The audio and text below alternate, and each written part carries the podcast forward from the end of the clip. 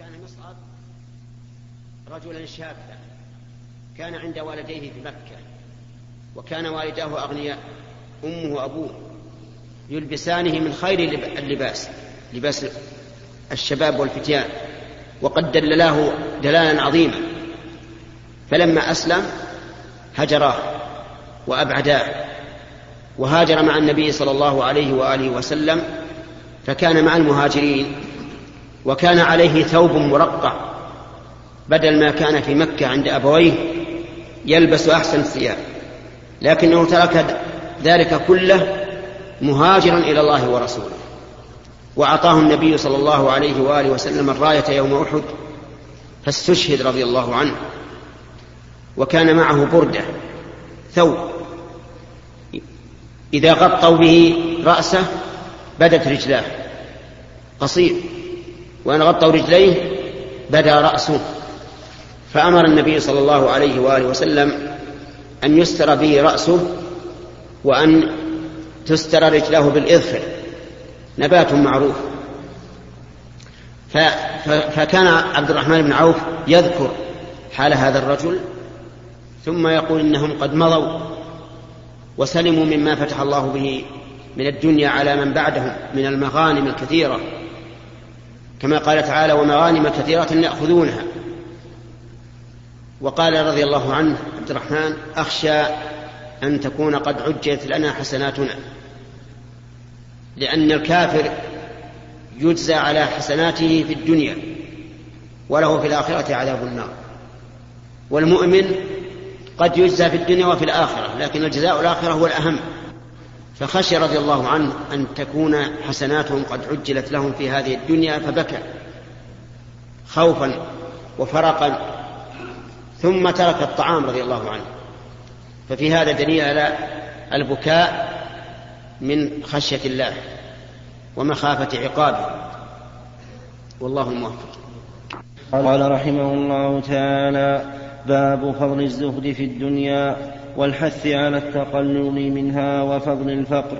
قال الله تعالى إنما مثل الحياة الدنيا كماء إن أنزلناه من السماء فاختلط به نبات الأرض مما يأكل الناس والانعام حتى إذا أخذت الأرض زخرفها وزينت وظن أهلها أنهم قادرون عليها أتاها أمرنا ليلا أو نهارا فجعلناها حصيدا كأن لم تغن بلمس كذلك نفصل الآيات لقوم يتفكرون.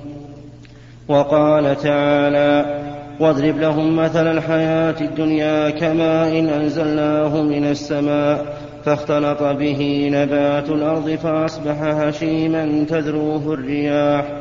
وكان الله على كل شيء مقتدرا. المال والبنون زينة الحياة الدنيا والباقيات الصالحات خير عند ربك ثوابا وخير أملا.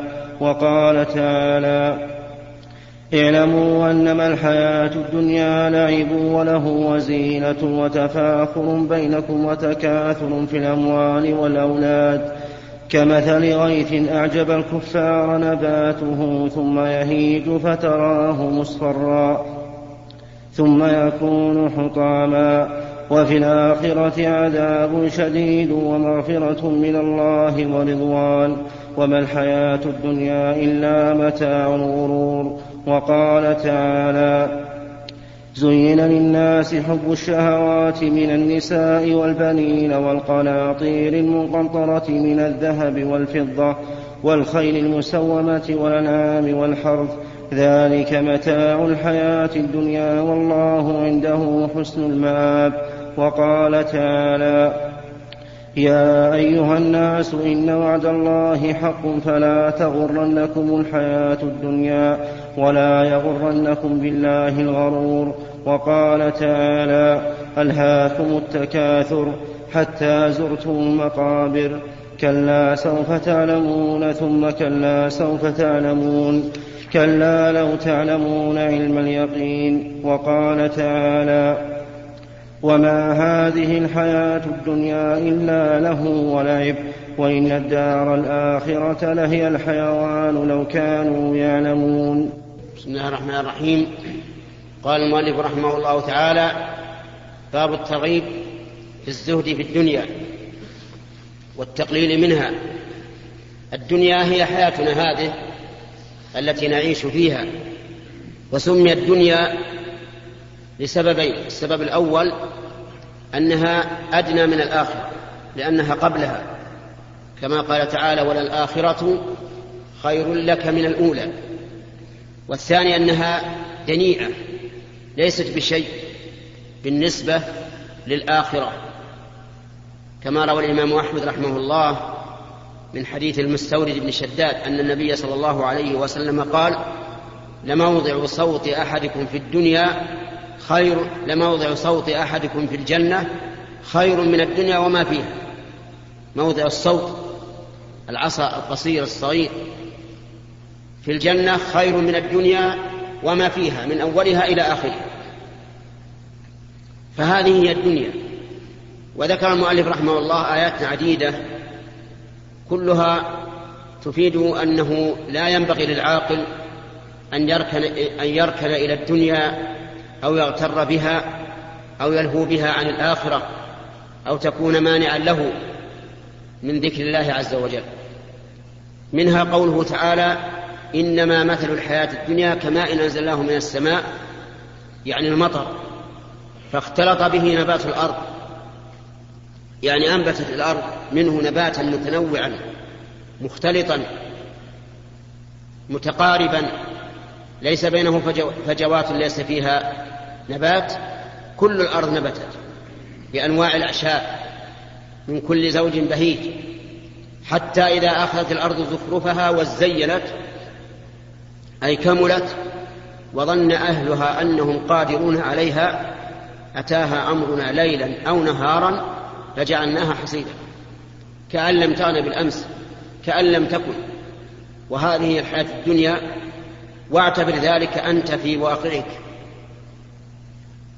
كم من أناس عشت معهم وعاشوا في هذه الدنيا عيشة راضية رفاهية وأنس وأولاد وزوجات وقصور وسيارات ثم انتقلوا عنها كأن لم يكونوا بالأمس.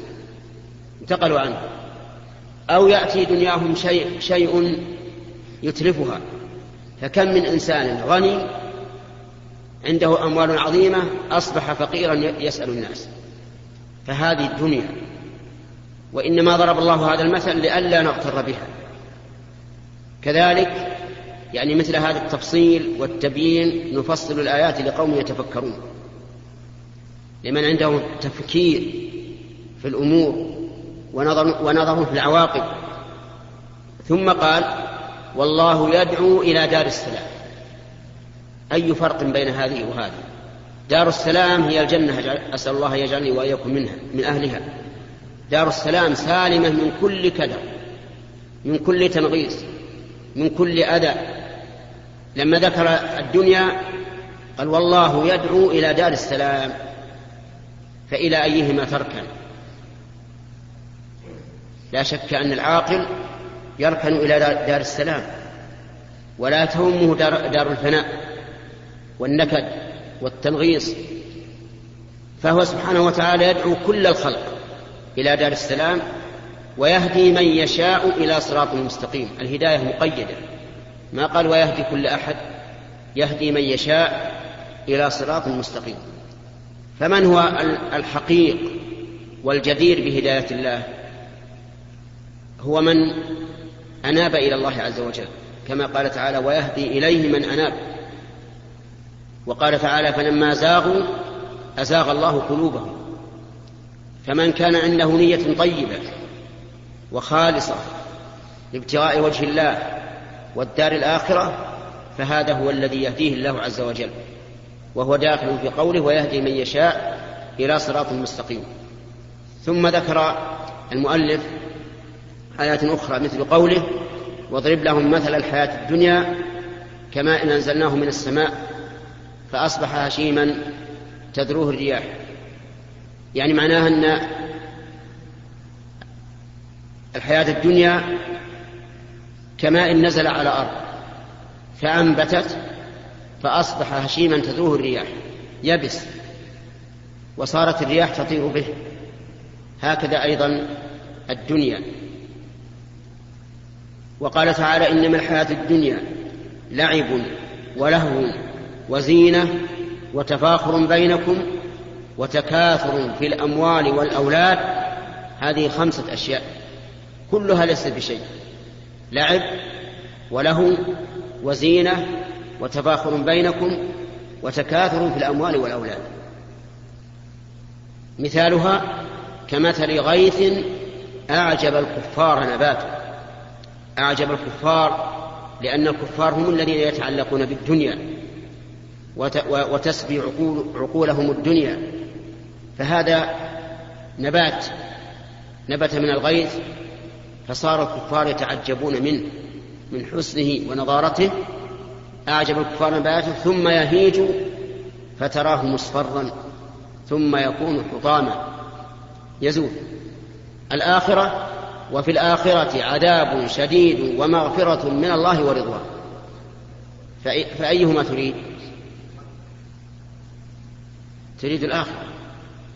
الآخرة في فيها عذاب شديد لمن آثر الدنيا على الآخرة. فيها مغفرة من الله ورضوان لمن آثر الآخرة على الدنيا. والعاقل إذا قرأ القرآن وتبصر عرف قيمة الدنيا وأنها ليست بشيء وأنها مزرعة للآخرة. فانظر ماذا زرعت فيها لآخرتك. إن كنت زرعت خيرا فأبشر بالحصاد الذي يرضيك. وإن كان الأمر بالعكس فقد خسرت الدنيا والآخرة. نسأل الله لنا ولكم السلامة والعافية. نقل المؤلف رحمه الله تعالى عن عمرو بن عوف الأنصاري رضي الله عنه أن رسول الله صلى الله عليه وسلم بعث أبا عبيدة بن الجراح رضي الله عنه إلى البحرين يأتي بجزيتها فقدم بمال من البحرين فسمعت الأنصار بقدوم أبي عبيدة فوافوا صلاة الفجر مع رسول الله صلى الله عليه وسلم. فلما صلى رسول الله صلى الله عليه وسلم انصرف فتعرضوا له فتبسم رسول الله صلى الله عليه وسلم حين رآهم ثم قال أظنكم سمعتم أن أبا عبيدة قدم بشيء من البحرين. قالوا أجل. فقال أبشروا وأمنوا ما يسركم. فوالله ما الفقر أخشى عليكم ولكني أخشى أن تبسط الدنيا عليكم كما بسطت على من كان قبلكم. فتنافسوها كما تنافسوها فتهلككم كما أهلكتهم. متفق عليه. وعن أبي سعيد الخدري رضي الله عنه قال جلس رسول الله صلى الله عليه وسلم على المنبر وجلسنا حوله فقال إن مما أخاف عليكم من بعدي ما يفتح عليكم من زهرة الدنيا وزينتها. متفق عليه. وعنه رضي الله عنه أن رسول الله صلى الله عليه وسلم قال إن الدنيا حلوة خضرة وإن الله تعالى مستخلفكم فيها فينظر كيف تعملون. فاتقوا الدنيا واتقوا النساء رواه مسلم. هذه الأحاديث ذكرها المؤلف رحمه الله في باب الزهد. باب الزهد في الدنيا والترغيب فيه. وقد ذكر قبل ذلك آيات متعددة كلها تدل على أن هذه الدنيا ليست بشيء بالنسبة للآخرة وأنها ممر ومزرعة. فإن قال قائل يقال ورع ويقال زهد فأيهما أعلى وما الفرق بينهما؟ فالجواب أن الزهد أعلى من الورع والفرق بينهما أن الورع ترك ما يضر والزهد ترك ما لا ينفع. فالأشياء ثلاثة أقسام منها ما يضر في الآخرة ومنها ما ما ينفع ومنها ما لا يضر ولا ينفع. فالورع أن يجعل الإنسان ما يضره في الآخرة يعني أن يترك الحرام. والزهد أن يدع ما لا ينفعه في الآخرة. فالذي لا ينفعه لا يأخذ به والذي ينفعه يأخذ به والذي يضره لا يأخذ به من باب أولى. فكان الزهد أعلى من الورع أعلى حالة من الورع. فكل زاهد ورع وليس كل ورع زاهدا. ولكن حذر النبي عليه الصلاة والسلام من أن تفتح الدنيا علينا. فنهلك. لما قدم أبو عبيدة بمال من البحرين وسمع الأنصار بذلك جاءوا إلى النبي صلى الله عليه وسلم فوافوه في صلاة الفجر. فلما انصرف من الصلاة تعرضوا له فتبسم عليه الصلاة والسلام. تبسم يعني ضحك لكن بدون صوت. تبسم لأنهم جاءوا متشوفين للماء. فقال لهم لعلكم سمعتم بقدوم أبي عبيدة من البحرين؟ قالوا أجل يا رسول الله. سمعنا بذلك يعني وجئنا لننال نصيبنا.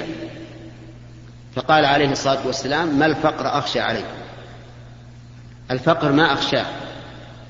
الفقر قد يكون خيرا للإنسان كما جاء في الحديث القدسي الذي يروى عن النبي صلى الله عليه وآله وسلم أن الله قال إن من عبادي من لو أغنيته لأفسده الغنى. إن من عبادي من لو أغنيته لأفسده الغنى. يعني أطغاه وأضله وصده عن الآخرة والعياذ بالله ففسد. وإن من عبادي من لو أفقرته لأفسده الفقر. فقال النبي عليه الصلاة والسلام ما الفقر أخشى عليكم؟ يعني لا أخشى عليكم من الفقر. لأن الفقير في الغالب أقرب إلى أقرب إلى الحق من الغني. وانظروا إلى الرسل عليهم الصلاة والسلام من الذي يكذبهم؟ يكذبهم الملأ الأشراف الأغنياء وأكثر من يتبعهم الفقراء. حتى النبي عليه الصلاة والسلام أكثر من يتبعه الفقراء. فالفقر لا يخشى الذي يخشى أن تبسط الدنيا علينا كما قال النبي عليه الصلاة والسلام أخشى أن تبسط عليكم يعني كما بسطت على من كان قبلنا فتهلككم كما أهلكتكم. وهذا هو الواقع. وانظر إلى حالنا نحن هنا يعني في المملكة لما كان الناس إلى الفقر أقرب كانوا لله أتقى وأخشى وأخشى ولما كثر المال كثر الإعراض عن, عن سبيل الله وحصل الطغيان وصار الإنسان الآن يتشوف لزهرة الدنيا وزينتها سيارة بيت فرش لباس يباهي الناس بهذا ويعرض عما ينفعه في الآخرة وصارت الجرائد والصحف وما أشبهها. لا تتكلم إلا بالرفاهية وما, وما يتعلق بالدنيا وأعرضوا عن الآخرة وفسد الناس إلا من شاء الله. فالحاصل أن الدنيا إذا فتحت نسأل الله أن يقضينا وإياكم شرها. أنها شر تطغي الإنسان. كلا إن الإنسان لا يطغى أن استغنى. قال قال فرعون لقومه يا قوم أليس لي ملك مصر وهذه الأنهار تجري من تحتي؟ افتخر بالدنيا. فالدنيا خطيرة جدا. وفي هذه الأحاديث أيضا قال النبي عليه الصلاة والسلام إن الدنيا حلوة خضرة. حلوة المذاق خضرة المنظر تجذب تفتن. الشيء إذا كان حلوا ومنظره طيبا يفتن الإنسان. فالدنيا هكذا حلوة خضرة حلوة في المذاق خضرة في المنظر ولكن وإن الله مستخلفكم فيها فناظر كيف تعملون. يعني جعل جعلكم خلائف فيها يخلف بعضكم بعضا ويرث بعضكم بعضا فينظر كيف تعملون هل تقدمون الدنيا أو الآخرة؟ ولهذا قال فاتقوا الدنيا واتقوا النساء. ولكن إذا أغنى الله الإنسان وصار غناه عونا له على طاعة الله ينفق ماله في الحق وفي سبيل الله صارت الدنيا خيرا. ولهذا كان رجل الدنيا الذي ينفق ماله في سبيل الله وفي مرات الله عز وجل صار ثاني اثنين بالنسبة للعالم الذي آتاه الله الحكمة والعلم وصار يعلم الناس فهناك فرق بين الذي ينهمك في الدنيا ويعرض عن الآخرة وبين الذي يغنيه الله ويكون غناه سببا لسعادته. والإنفاق في سبيل الله ربنا آتنا في الدنيا حسنة وفي الآخرة حسنة وقنا عذاب النار قال المؤلف رحمه الله تعالى عن أنس بن مالك رضي الله عنه أن النبي صلى الله عليه وسلم قال اللهم لا عيش إلا عيش الآخرة متفق عليه. وعنه رضي الله عنه قال قال رسول الله صلى الله عليه وسلم يتبع الميت ثلاثة أهله وماله وعمله. فيرجع اثنان ويبقى واحد. يرجع أهله وماله ويبقى عمله. متفق عليه. وعنه رضي الله عنه قال قال رسول الله صلى الله عليه وسلم يؤتى بأنعم أهل الدنيا من أهل النار يوم القيامة فيصبغ في النار صبغة ثم يقال يا ابن آدم هل رأيت خيرا قط؟ هل مر بك نعيم قط؟ فيقول لا والله يا رب. ويؤتى بأشد الناس بؤسا في الدنيا من أهل الجنة. فيصبغ صبغة في الجنة فيقال له يا ابن آدم هل رأيت بؤسا قط؟ هل مر بك شدة قط؟ فيقول لا والله ما مر بي بؤس قط ولا رأيت شدة قط. رواه مسلم. وعن المستورد بن شداد رضي الله عنه قال قال رسول الله صلى الله عليه وسلم ما الدنيا في الآخرة إلا مثل ما يجعل أحدكم أصبع أصبعه في اليم فلينظر بم يرجع رواه مسلم. وعن جابر بن عبد الله رضي الله عنهما أن رسول الله صلى الله عليه وسلم مر بالسوق والناس كنفتين فمر بجدي أسك ميت فتناوله فأخذ بأذنه ثم قال أيكم يحب أن يكون هذا له بدرهم؟ فقالوا ما نحب أنه لنا بشيء وما نصنع به. ثم قال أتحبون أنه لكم؟ قالوا والله لو كان حيا كان عيبا إنه أسك. فكيف وهو ميت؟ فقال فوالله للدنيا أهون على الله من هذا عليكم. رواه مسلم. بسم الله الرحمن الرحيم. ذكر المؤلف رحمه الله أحاديث في بيان الزهد في الدنيا وأن النعيم هو نعيم الآخرة. عن أنس بن مالك رضي الله عنه أن النبي صلى الله عليه وآله وسلم قال اللهم لا عيش إلا عيش الآخرة. يعني العيشة الهنيئة الراضية الباقية هي هو عيش الآخرة. أما الدنيا فإنه مهما طاب عيشها فمآلها للفناء. وإذا لم يصحبها عمل صالح فإنها خسارة. ولهذا ذكر في ضمن الأحاديث هذه أنه يؤتى بأنعم أهل الدنيا في الدنيا يعني أشدهم نعيما في بدنه وثيابه وأهله ومسكنه ومركوبه وغير ذلك فيصبى في النار صبغة يعني يغمس فيها غمسة واحدة ويقال هل رأيت خيرا قط؟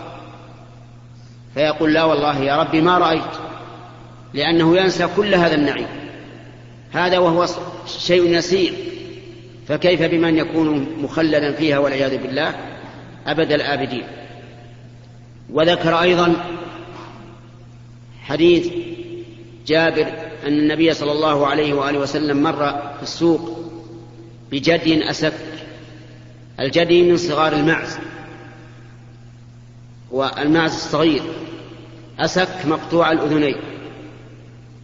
فأخذه عليه الصلاة والسلام ورفعه وقال هل أحد منكم يريده بدرهم؟ قالوا يا رسول الله ما نريده بشيء. قال هل أحد منكم يود أن يكون له؟ قالوا لا. قال إن الدنيا أهون عند الله تعالى من هذا الجد. ميت. لا يساوي شيئا.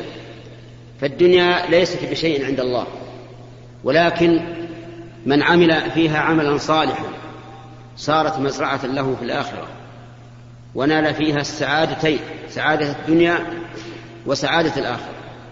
أما من غفل وتغافل وتهاون ومضت الأيام عليه وهو لم يعمل فإنه يخسر الدنيا والآخرة. قال الله تعالى قل إن الخاسرين الذين خسروا أنفسهم وأهليهم يوم القيامة.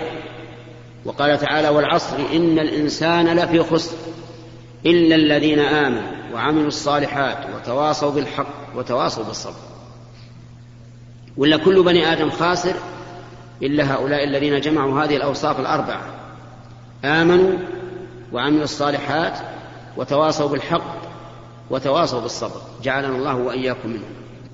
نقل المؤلف رحمه الله تعالى عن أبي ذر الغفاري رضي الله عنه قال كنت أمشي مع النبي صلى الله عليه وسلم في حرة بالمدينة فاستقبلنا أحد فقال يا أبا ذر قلت لبيك يا رسول الله.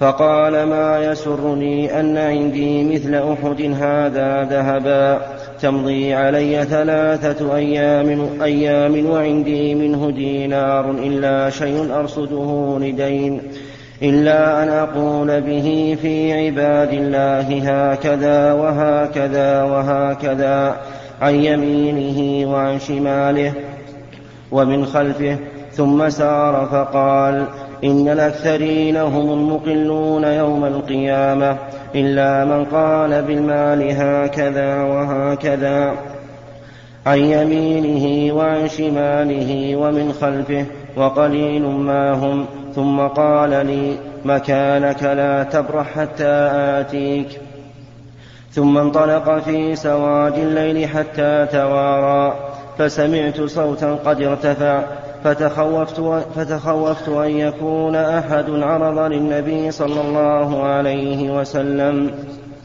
فأردت أن آتيه فذكرت قوله لا تبرح حتى آتيك فلم أبرح حتى أتاني. فقلت لقد سمعت صوت لقد سمعت صوتا تخوفت منه. فذكرت ذلك فذكرت له فقال وهل سمعته؟ قلت نعم. قال ذاك جبريل أتاني فقال من مات من أمتك لا يشرك بالله شيئا دخل الجنة. قلت وإن زنى وإن سرق. قال وإن زنى وإن سرق. متفق عليه. وهذا لفظ البخاري. وعن أبي هريرة رضي الله عنه عن النبي صلى الله عليه وسلم قال لو كان لي مثل أحد ذهبا لسرني ألا تمر علي ثلاث ليال وعندي منه شيء إلا شيء أرصده لدين متفق عليه. وعنه رضي الله عنه قال قال رسول الله صلى الله عليه وسلم انظروا إلى من هو أسفل منكم ولا تنظروا إلى من هو فوقكم. فهو أجدر أن لا تزدروا نعمة الله عليكم متفق عليه. وعنه رضي الله عنه قال قال رسول الله صلى الله عليه وسلم تعس عبد الدينار والدرهم والقطيفة والخميصة إن أعطي رضي وإن لم يعط لم يرض. رواه البخاري. وعنه رضي الله عنه قال لقد رأيت سبعين من أهل الصفة ما منهم رجل عليه رداء إما إزار وإما كساء. قد ربطوا في قد ربطوا في أعناقهم فمنها ما يبلغ نصف الساقين ومنها ما يبلغ الكعبين. فيجمعه بيده كراهية أن ترى عورته. رواه البخاري. بسم الله الرحمن الرحيم. هذه الأحاديث التي ساقها المؤلف رحمه الله كلها تدل على الزهد في الدنيا. فمنها حديث أبي ذر وأبي هريرة أن النبي صلى الله عليه وآله وسلم قال ما يسرني أن لي مثل أحد ذهبا تمضي عليه ثلاث ليال إلا وقد فرقته يمينا وشمالا وأمامه وخلفه إلا شيئا أرصده لدي. وهذا يدل على أن النبي صلى الله عليه وآله وسلم من أزهد الناس بل هو أزهد الناس في الدنيا. لأنه لا يريد أن يجمع المال إلا شيئا يرصده, يرصده لدين وقد توفي صلى الله عليه وآله وسلم ودرعه مرهونة عند عند يهودي. في شعير أخذه لأهله. ولو كانت الدنيا محبوبة إلى الله عز وجل ما حرم منها نبيه صلى الله عليه وآله وسلم. فالدنيا ملعونة ملعون ما فيها إلا ذكر الله وما ولاه وعالما ومتعلما. وما يكون في طاعة الله عز وجل. ثم ذكر في حديث أبي أبي ذر أن أن المكثرون هم المقلون يوم القيامة. يعني المكثرين في من الدنيا هم المقلين من الأعمال الصالحة يوم القيامة. وذلك لأن الغالب على من كثر ماله في الدنيا الغالب عليه الاستغناء والتكبر والإعراض عن طاعة الله لأن الدنيا تلهيه فيكون مكثرا في الدنيا مقلا في الآخرة. إلا من قال هكذا وهكذا يعني في المال وصرفه في سبيل الله عز وجل. وفي حديث أبي ذر أن من مات لا يشرك بالله شيئا دخل الجنة وإن زنى وإن سرق. وهذا لا يعني أن الزنا والسرقة سهلة بل هي صعبة. ولهذا استعظمها أبو ذر قال وإن زنى وإن سرق قال وإن زنى وإن سرق. لأن من مات على الإيمان وعليه معاصي من كبائر الذنوب فإن الله يقول إن الله لا يغفر أن يشرك به ويغفر ما دون ذلك لمن يشاء. قد يعفو الله عنه ولا يعاقبه وقد يعاقبه لكن إن عاقبه فمآله إلى الجنة. مآله إلى إلى الجنة لأن كل من كان لا يشرك بالله ولم يأت شيئا مكفرا فإن مآله إلى الجنة. أما من أتى مكفرا كالذي لا يصلي والعياذ بالله فهذا مخلد في النار.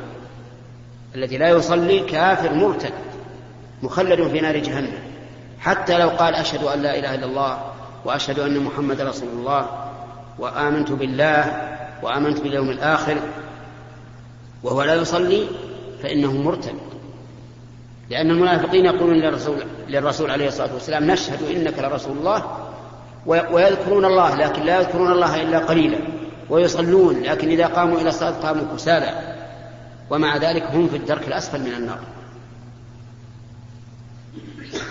وكذلك الأحاديث التي التي تلت ما رواه أبو ذر رضي الله عنه كلها تدل على الزهد في الدنيا وأن الإنسان لا ينبغي أن يعلق نفسه بها وأن تكون الدنيا بيده لا في قلبه حتى يقبل بقلبه على الله عز وجل.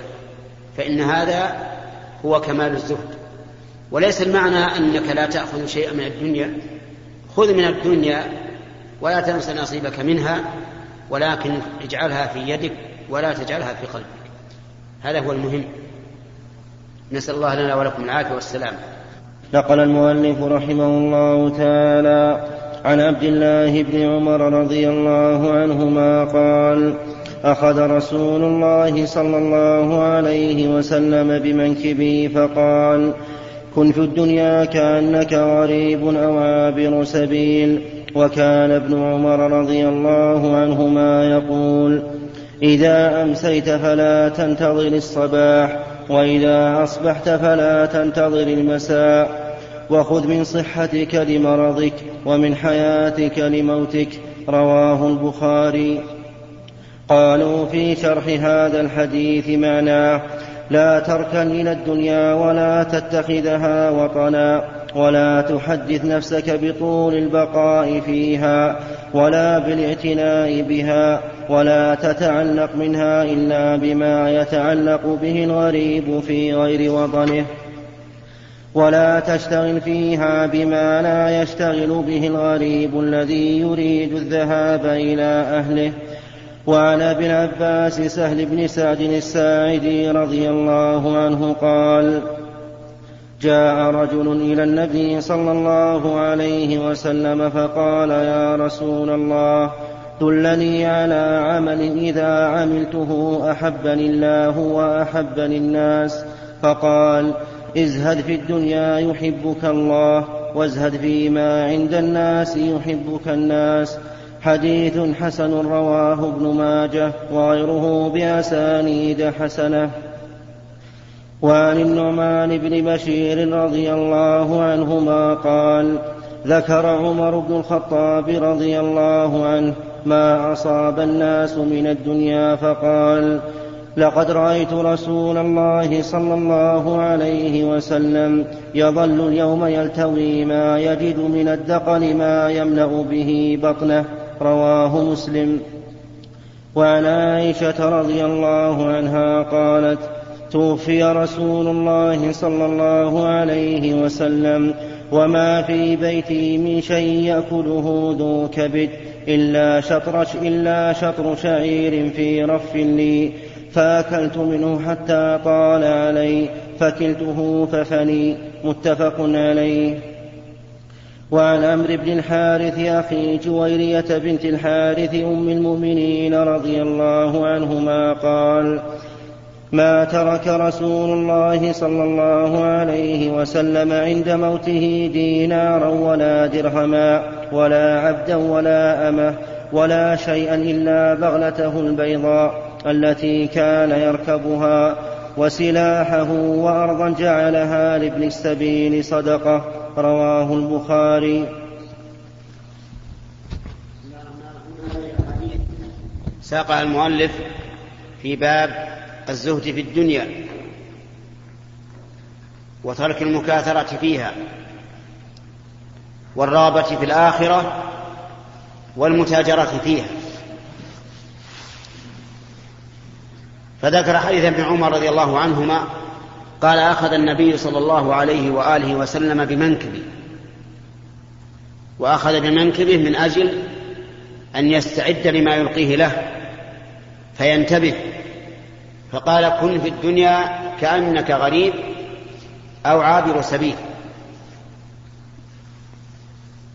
يحتمل أن هذا من باب الشك هل قال الرسول صلى الله عليه وآله وسلم الأول أو الثاني؟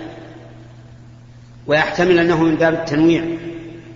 يعني كن كالغريب الذي لا يداخل الناس ولا يهتم بالناس ولا يعرف بين الناس أو كأنك عابر سبيل تريد أن تأخذ ما تحتاجه في سفرك وأنت ماشي. وهذا التمثيل الذي ذكره النبي صلى الله عليه وسلم هو الواقع لأن الإنسان في هذه الدنيا مسافر. فالدنيا ليست دار مقر بل هي دار ممر سريع. راكبه لا يفتر ليلا ولا نهارا. المسافر ربما ينزل منزلا فيستريح ولكن مسافر الدنيا لا ينزل. هو دائما في سفر. كل لحظة فإنك تقطع بها شوطا من هذه الدنيا لتقرب من الآخرة. فما ظنكم بسفر لا يفتأ صاحبه يمشي ويسير؟ أليس ينتهي بسرعة؟ الجواب بلى. ولهذا قال الله سبحانه وتعالى كأنهم يوم يرونها لم يلبثوا إلا عشية أو ضحاها. والإنسان ينبغي له أن يقيس ما يستقبل من عمره بما مضى. فالذي مضى كأنه لا شيء. حتى أمسك الأدنى كأنك لم تمر به. كأنه حلم. فما يستقبل من دنياك فهو كالذي تقدم. ولهذا لا ينبغي الركون إلى الدنيا. وكان ابن عمر رضي الله عنهما يقول أخذا من هذا الحديث. إذا أصبحت فلا تنتظر المساء فإنك قد تموت قبل أن تمسي وإذا أمسيت فلا تنتظر الصباح فإنك قد تموت قبل أن تصبح. ولكن انتهز الفرصة لا تؤخر العمل لا تركن إلى الدنيا فتؤمل البقاء مع أنك لا تدري. وخذ من صحتك لمرضك ومن حياتك لموتك. انتهز الصحة انتهز الحياة فإنك قد تمرض فتعجز وقد تفتقر فتعجز. وقد تموت فينقطع عملك. ثم ذكر أحاديث في هذا المعنى منها أن النبي صلى الله عليه وآله وسلم مات ولم يترك شيئا مما يأكله ذو كبد رطبة إلا شيئا من الشعير كما قالت ذلك عائشة أم المؤمنين رضي الله عنه عنها. لم يترك إلا شيئا من الشعير. ومع ذلك فإنه مات ودرعه مرهونة عند يهودي بشعير أخذه لأهله. اضطر عليه الصلاة والسلام فأخذ من هذا اليهودي شعيرا ابتاعه منه ورهنه درعه. فمات وهي مرهونة عنده عليه الصلاة والسلام. وهذا يدل على أنه عليه الصلاة والسلام أزهد الناس في الدنيا. إذ لو شاء أن تسير معه الجبال ذهبا لسارت ولكنه لا يريد هذا. يريد أن يتقلل من الدنيا حتى يخرج منها لا عليه ولا له منها بل كان عليه الصلاة والسلام يعطي عطاء من لا يخشى الفاقة ويعيش عيشة الفقراء. والله موفق. نقل المؤلف رحمه الله تعالى عن خباب عن خباب بن الأرت رضي الله عنه قال هاجرنا مع رسول الله صلى الله عليه وسلم نلتمس وجه الله تعالى. فوقع أجرنا على الله فمنا من مات ولم يأكل من أجره شيئا منهم مصعب بن عمير رضي الله عنه قتل, قتل يوم أحد. وترك نمرة فكنا إذا غطينا بها رأسه بدت رجلاه وإذا غطينا بها رجليه بدا رأسه. فأمرنا رسول الله صلى الله عليه وسلم أن نغطي رأسه ونجعل على رجليه شيئا من الإذخر ومنا من أينعت له ثمرته فهو يهدبها. متفق عليه. وعن سهل بن سعد الساعدي رضي الله عنه قال قال رسول الله صلى الله عليه وسلم لو كانت الدنيا تاجر عند الله جناح بعوضة ما سقى كافرا منها شربة ماء. رواه الترمذي وقال حديث حسن صحيح. وعن أبي هريرة رضي الله عنه قال سمعت رسول الله صلى الله عليه وسلم يقول ألا إن الدنيا ملعونة ملعون ما فيها إلا ذكر الله تعالى وما والاه وعالما ومتعلما. رواه الترمذي وقال حديث حسن. وعن عبد الله بن مسعود رضي الله عنه قال قال رسول الله صلى الله عليه وسلم لا تتخذوا الضيعه فترابوا في الدنيا. رواه الترمذي وقال حديث حسن. وعن كعب بن عياض رضي الله عنه قال